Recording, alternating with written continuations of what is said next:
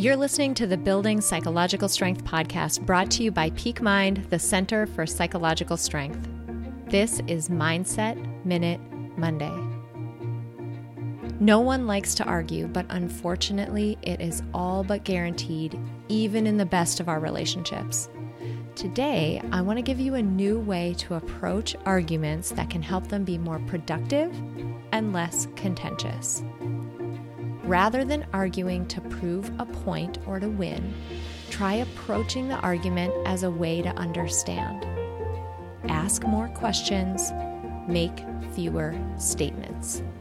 If the other person is truly coming from a genuine place, this approach will help strengthen your relationship, build understanding and empathy, and lead to a better outcome.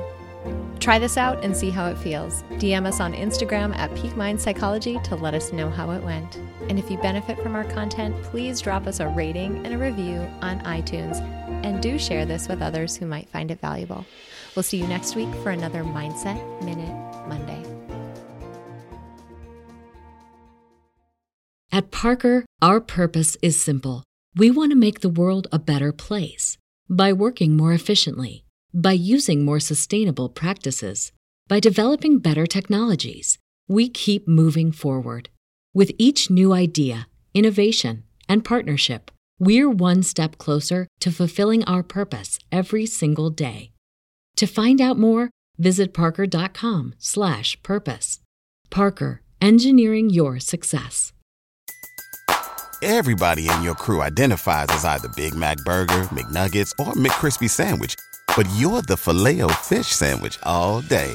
That crispy fish, that savory tartar sauce, that melty cheese, that pillowy bun. Yeah, you get it every time. And if you love the Filet-O-Fish, right now you can catch two of the classics you love for just $6. Limited time only. Price and participation may vary. Cannot be combined with any other offer. Single item at regular price. Ba da ba ba ba.